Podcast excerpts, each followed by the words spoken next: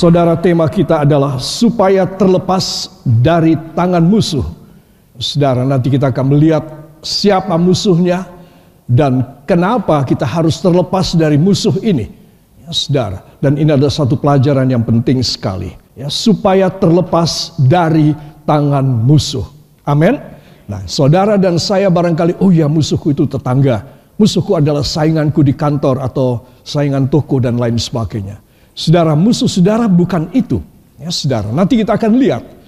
Musuh kita bukan daging dan darah, melainkan musuh kita adalah penguasa-penguasa di udara. Saudara, di mana saja saudara dan saya berada, di situ ada udara, ada atmosfer. Di situ iblis bisa merajai dan di situ dia bisa mengalahkan kita di ruang apa pun. Oh, kalau begitu saya di luar angkasa, di antariksa. Di sana tidak ada gravitasi, tidak ada atmosfer, tidak ada oksigen. Saya bisa lepas daripada kuasa kegelapan. Tidak juga. Alkitab mengatakan di mana engkau menyembunyikan dirimu? Di tempat yang sangat dalam sekalipun ataupun yang sangat tersembunyi sekalipun. Roh Allah tetap ada dan mengetahui engkau. Itu berarti tidak ada ruang hampa bagi kita. Ya saudara, iblis ada di ruang hampa juga. Itu sebab saudara dan saya kita yang paling penting, katakan yang paling utama, saya ada pada atmosfer Allah. Pada udara Allah. Ya, dan di situlah saya dan saudara akan safe. Katakan, saya akan safe dari hidup sampai meninggal sampai masuk sorga. Yang percaya, beri tepuk tangan bagi dia. Haleluya. Para kekasih, kita akan membuka di dalam Lukas pasal 1, ya, ayat yang ke-71, 74, 75. Satu, dua.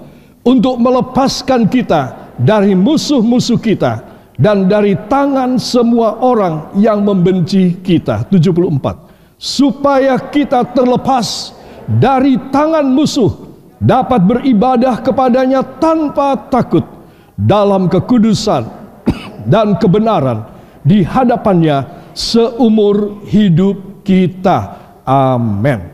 Katakan, kedatangan Yesus untuk melepaskan saya dari musuh-musuh saya. Ya, amin. Katakan, dan dari tangan semua orang yang membenci saya. Nah, baru kedua adalah orang. Yang pertama bukan orang. Yang kedua baru orang. Termasuk di dalamnya semua orang yang membenci saudara. Ataupun yang merasa saudara sebagai sebagai musuh mereka padahal saudara tidak memusuhi mereka. Ya saudara, dengan satu catatan, saudara tidak memusuhi mereka. Perkara orang memusuhi saya, orang memusuhi saudara, semua katakan no problem. Terus, Ah, uh, ya, ya. Kalau orang memusuhi saudara itu no problem, it's okay, never mind. Ya, tetapi saya dan anda tidak boleh memusuhi orang. Katakan supaya Allah bekerja sesuai ayat-ayat ini, melepaskan saya dari semua orang yang membenci saya. Yang percaya, beri tepuk tangan bagi dia. Haleluya. Saudara yang kekasih, untuk melepaskan kita dari musuh-musuh kita dan dari tangan semua orang yang membenci kita, supaya kita terlepas dari tangan musuh, dapat beribadah kepadanya tanpa takut dalam kekudusan dan kebenaran di hadapannya sepuluh tahun. Apa? Seumur hidup kita. Katakan seumur hidup saya saya dijamin untuk tetap berada di hadiratnya di dalam ibadah saya, di dalam ketekunan hidup saya, di dalam berkat-berkat saya, dalam nama Yesus. Amin. Haleluya. Jadi di sini saudara kita melihat bahwa rencana kedatangan Yesus ke dunia yang kita peringati pada hari Natal, saudara, itu sebetulnya mempunyai spektrum, mempunyai garis kerja yang luas sekali. Ya, Saudara, mempunyai sinar cahaya yang luar biasa. Di antaranya melepaskan kita dari segala ketakutan. Katakan dari semua ketakutan, semua khawatir, semua bahaya saya. Ya, saudara. Nah, saudara harus tahu dan saudara harus meyakininya bahwa tidak ada penolong yang lain, tidak ada bodyguard, tidak ada pengawal yang begitu istimewa selain daripada kehadiran Yesus di dalam kehidupan saudara. Amin. Nah, ini yang harus kita semua ketahui. Saudara, sekali lagi kita akan baca ayat yang penting ini. Karena di sini kita akan memeriksa firman Allah. Satu, dua. Untuk melepaskan kita dari musuh-musuh kita. Dan dari tangan semua orang yang membenci kita. Supaya kita terlepas dari tangan musuh. Dapat beribadah kepadanya. Tanpa takut dalam kekudusan dan kebenaran di hadapannya seumur hidup kita. Amin. Beri kemuliaan bagi dia. Haleluya. Ya, saudara jadi anggukkan kepala ke samping Anda. Katakan jadi kita harus berani hati. Kita dijamin dalam perlindungan Tuhan karena ibadah kita adalah luar biasa. Iblis mengetahuinya, jadi ingin membatalkan ibadah kita. Ya, nanti kita lihat kenapa iblis getol sekali, ingin sekali, obsesif banget untuk membatalkan kebaktian saudara, ibadah saudara kepada Tuhan. Dia sangat getol banget. Nanti kita akan melihat bahwa iblis itu pikirannya panjang sekali. Seorang yang tidak datang berbakti kepada Tuhan, seorang yang tidak mendekatkan diri kepada Tuhan, dia menjadi mangsa yang empuk, yang enak sekali. Yang harganya mahal. Saudara makan steak yang dagingnya dari luar negeri apa dari luar planet yang empuk sekali. Nah, begitu kena gigi lidah saudara, dia melumer, dia saking empuknya enak sekali. Saudara, iblis menganggap orang yang tidak bisa beribadah, orang yang tidak bisa berbakti kepada Tuhan, adalah makanan yang empuk sekali buat dia. Saudara, untuk memenuhi kerajaannya iblis, yaitu neraka. Ya, saudara, sebab itu para kekasih kita harus yakin bahwa kebaktian kita itu dijamin. Keamanannya dijamin juga kelangsungannya oleh Tuhan sendiri. Supaya, katakan supaya, saya selalu terlepas dari tangan iblis dari kuasa kegelapan, dari roh penderitaan, dari nasib yang jelek, dan dari neraka dalam nama Yesus. Amin. Haleluya. Berkenaan dengan ini ada dua hal, saudara, tentang musuh kita siapa. Dan strategi daripada musuh kita. Dari strategi kita akan melihat bahwa Memang betul-betul iblis tidak kepingin kita orang berbakti kepada Tuhan. Memang betul-betul.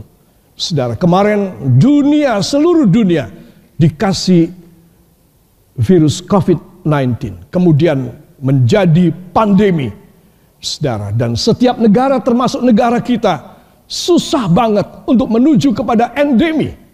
Dan menganggap itu sebagai sesuatu penyakit yang biasa, itu endemi. Saudara, dulu influenza adalah pandemi di seluruh dunia. Seluruh dunia, semua ketakutan dengan influenza. Tapi kemudian ada obat-obatan, ya, ada terapinya, sehingga menjadi, tapi tidak hilang. Diobati tidak hilang. Sehingga seluruh dunia menerima virus influenza itu sebagai endemi. Sebagai sesuatu yang penyakit berbahaya tetapi lumrah. Berbahaya. Itu sebab dinamakan endemi. Tetapi lumrah. Ya saudara. Influenza dari dua kata yaitu udara jelek. Zaman dulu orang sakit influenza menganggap sama seperti sakit malaria karena udaranya jelek. Dan memang demikian. Saudara yang kekasih, saya beritahu bahwa strategi iblis apa? Jangka panjang. Saudara, sehingga kemarin kita diberi virus corona 19 Saudara, supaya seluruh dunia tidak berbakti kepada Tuhan. Kemudian berbakti kepada Tuhan melalui melalui online, ya saudara, melalui live streaming, zooming dan lain sebagainya. Saudara, kemudian menjadi kebiasaan, bukan? Menjadi kebiasaan. Dan banyak anak-anak Tuhan sampai satu tahun, satu setengah tahun pun masih membiasakan diri. Saya mau berbakti di rumah saja. Ah, nggak usah dandan, nggak usah pakai pakaian yang bagus, tidak keluar ongkos bensin, tidak usah kasih kolektor. Amin. Hmm. Dan menjadi kebiasaan. Bukan saja virus corona 19 menjadi suatu yang kebiasaan, tetapi anak-anak Tuhan juga menjadi kebiasaan untuk tidak berbakti kepada Tuhan. Saudara, ini berbahaya sekali dan di sini kita melihat strategi jangka panjang dari iblis hampir tercapai. Ya, Saudara, melalui pandemi ini. Saudara yang kekasih, itu sebab musuh inilah yang akan kalau kita tidak dilepaskan, katakan bila saya tidak dilepaskan oleh kuasa firman, saya tetap memiliki musuh. Saudara, musuh ini akan sukses mengalahkan kita. Saudara, dengan apa? Saudara, jangka pendeknya yaitu dengan hal-hal dosa, gejolak-gejolak kejiwaan dan segala sesuatu yang kekinian. Segala sesuatu gejolak yang kekinian Saudara, ini akan membuat anak-anak Tuhan dalam jangka pendek akan hancur. Saudara. Sedangkan strategi jangka panjang daripada iblis adalah saudara, dia akan memutus hubungan pribadi antara anak Tuhan ini dengan Tuhan Yesus, dengan Allah Sang Khalik Pencipta.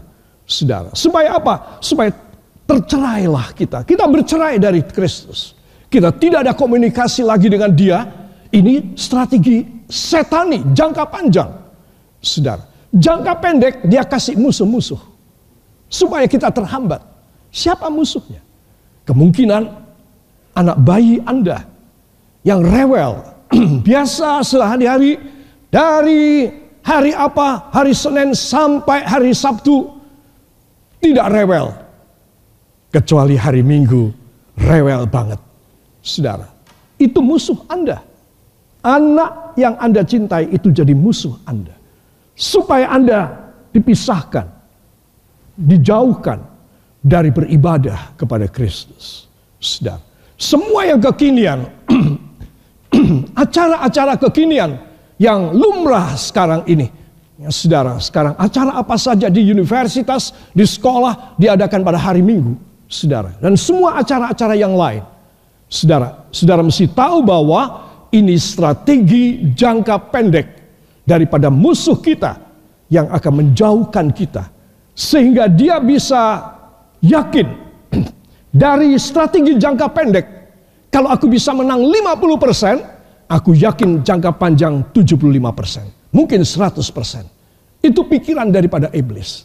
Saudara, dalam ilmu manajemen, semua goal, target jangka pendek yang tercapai itu boleh diasumsikan bahwa 75% jangka pendek berhasil 50% boleh diasumsikan 75% sampai 100% berhasil untuk jangka panjang. Karena yang penting adalah jangka pendek.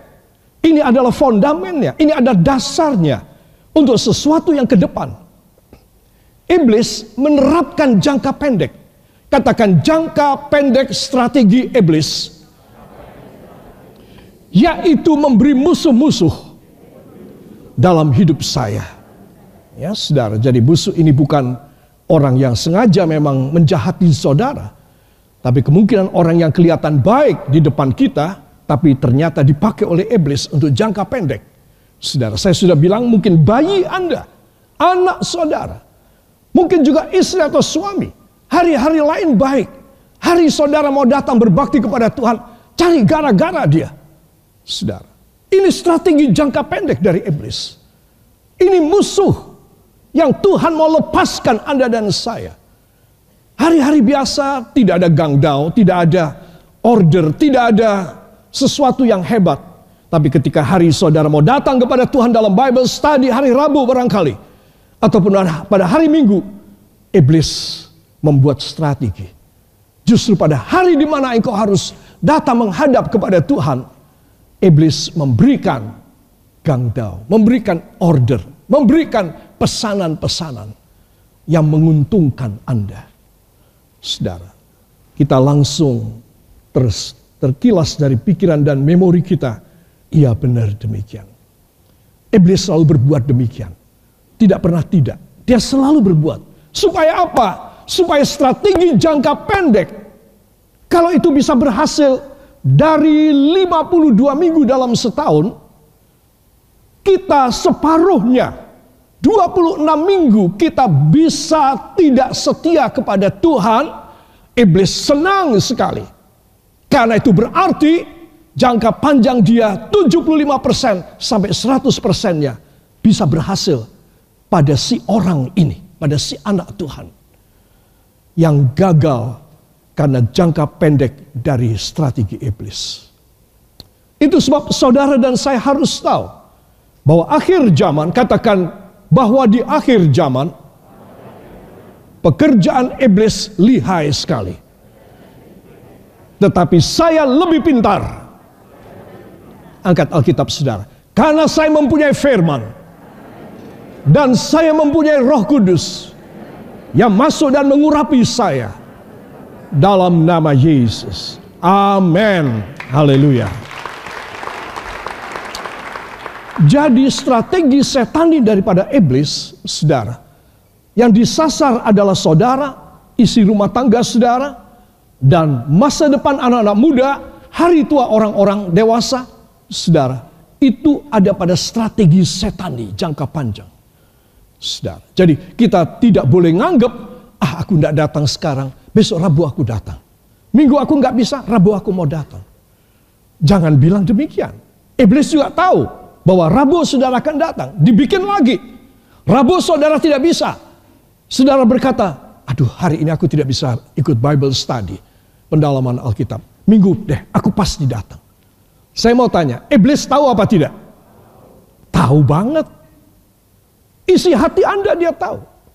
Saudara, itu sebab dia akan membuat sesuatu gara-gara supaya janji Anda datang pada kebaktian yang akan datang gagal, batal.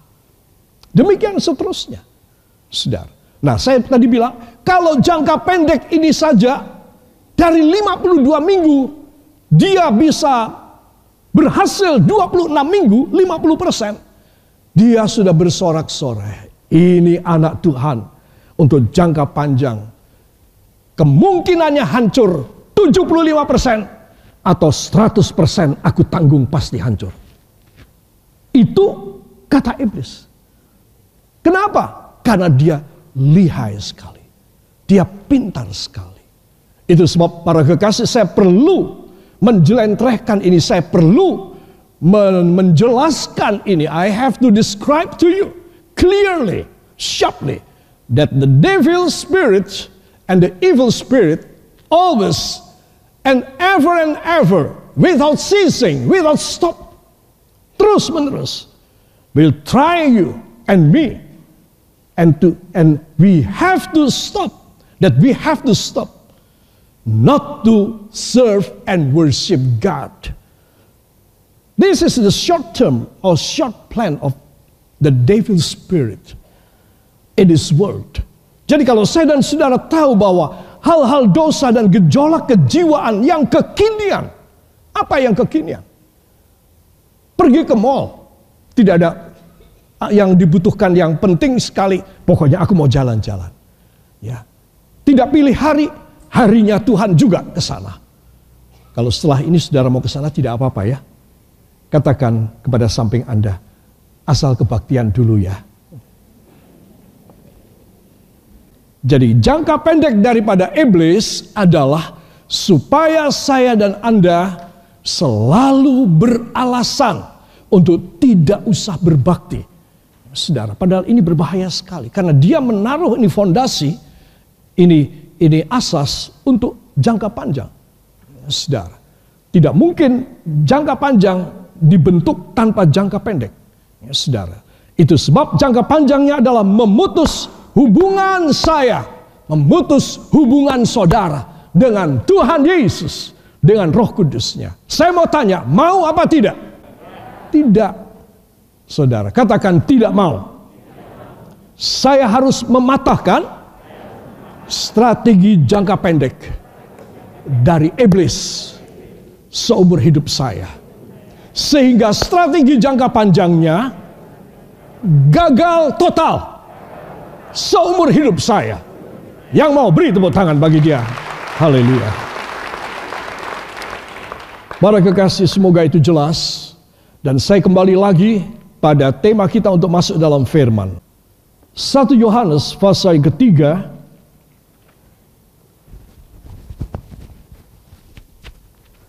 ayat 21 dan ayat yang ke-22. Para kekasih mari kita akan baca 1 Yohanes 3 ayat 21 dan 22. 1 2. Saudara-saudaraku yang kekasih, jikalau hati kita tidak menuduh kita, maka kita mempunyai keberanian percaya untuk mendekati Allah dan apa saja yang kita minta kita memperolehnya daripadanya. Karena kita menuruti segala perintahnya dan berbuat apa yang berkenan kepadanya. Amin. Saudara yang kekasih perhatikan. Saudara-saudaraku yang kekasih jikalau hati kita katakan jikalau hati saya tidak menuduh saya, maka saya mempunyai keberanian percaya untuk mendekati Allah. Jadi saudara ayat ini sudah jelas sekali. Ya, Jikalau hati kita tidak menuduh kita. Artinya kita ini, kita sudah periksa hati kita. Aku memang tulus kok, aku benar. Ya saat ini aku benar, aku tidak macam-macam. Aku tidak menipu diri, tidak munafik, tidak. Aku benar. Nah kalau kita tidak ada tuduhan di dalam hati kita, itulah momentum yang tepat sekali untuk apa? Mendekati Allah. Untuk apa?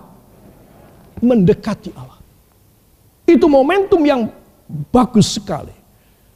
Bila saudara ingin mempunyai sesuatu keinginan mendekati Allah untuk permohonan saudara, saudara dan saya harus bikin hati kita tidak menuduh kita.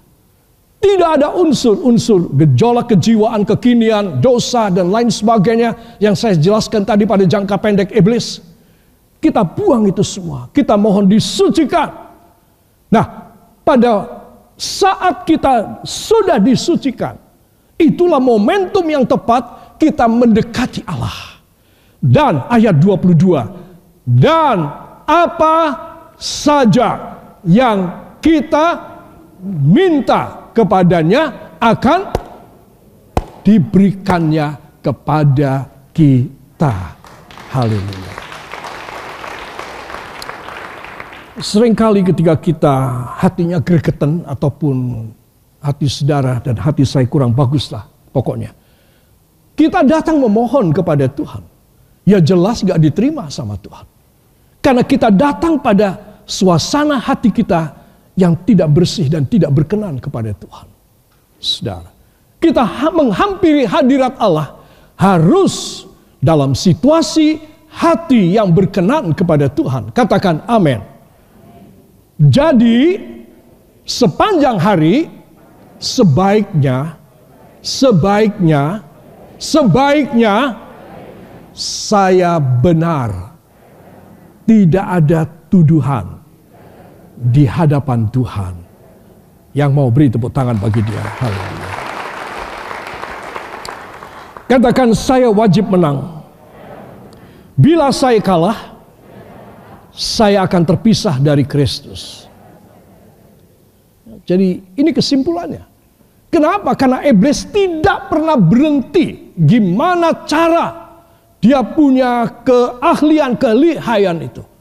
Saudara, Alkitab mengatakan dalam surat Efesus supaya kita waspada karena iblis si setan musuhmu itu sangat dalam bahasa Inggris katakan cunningly.